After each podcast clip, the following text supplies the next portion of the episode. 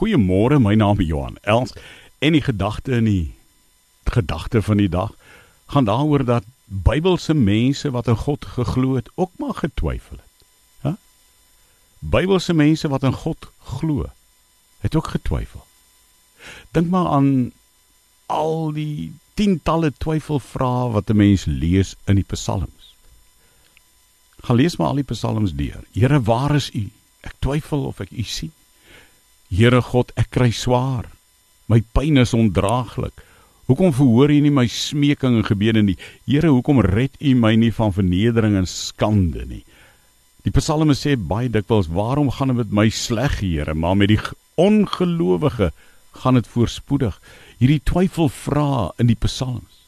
Wat sê dit vir my? Dit sê vir my een ding en ek kan dit lees daar in die psalms.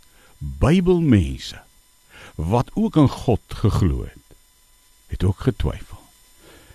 Daarom kan ek my gesonde twyfel, soos ek nou die dag gesê het, na U toe bring, Here. En kan ek vir U ook vra, Here, ek kry swaar. My pyn is ondraaglik en seer. My verdriet maak my klaar. Ek verlang na 'n geliefde wat weg is. Here, ek bid, maar ek kry nie antwoorde nie.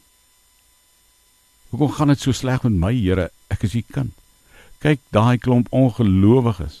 Dit gaan net goed met hulle. Is die soort vrae wat die psalmis vra. En daarom kan ek ook my twyfel vra na die Here toe bring.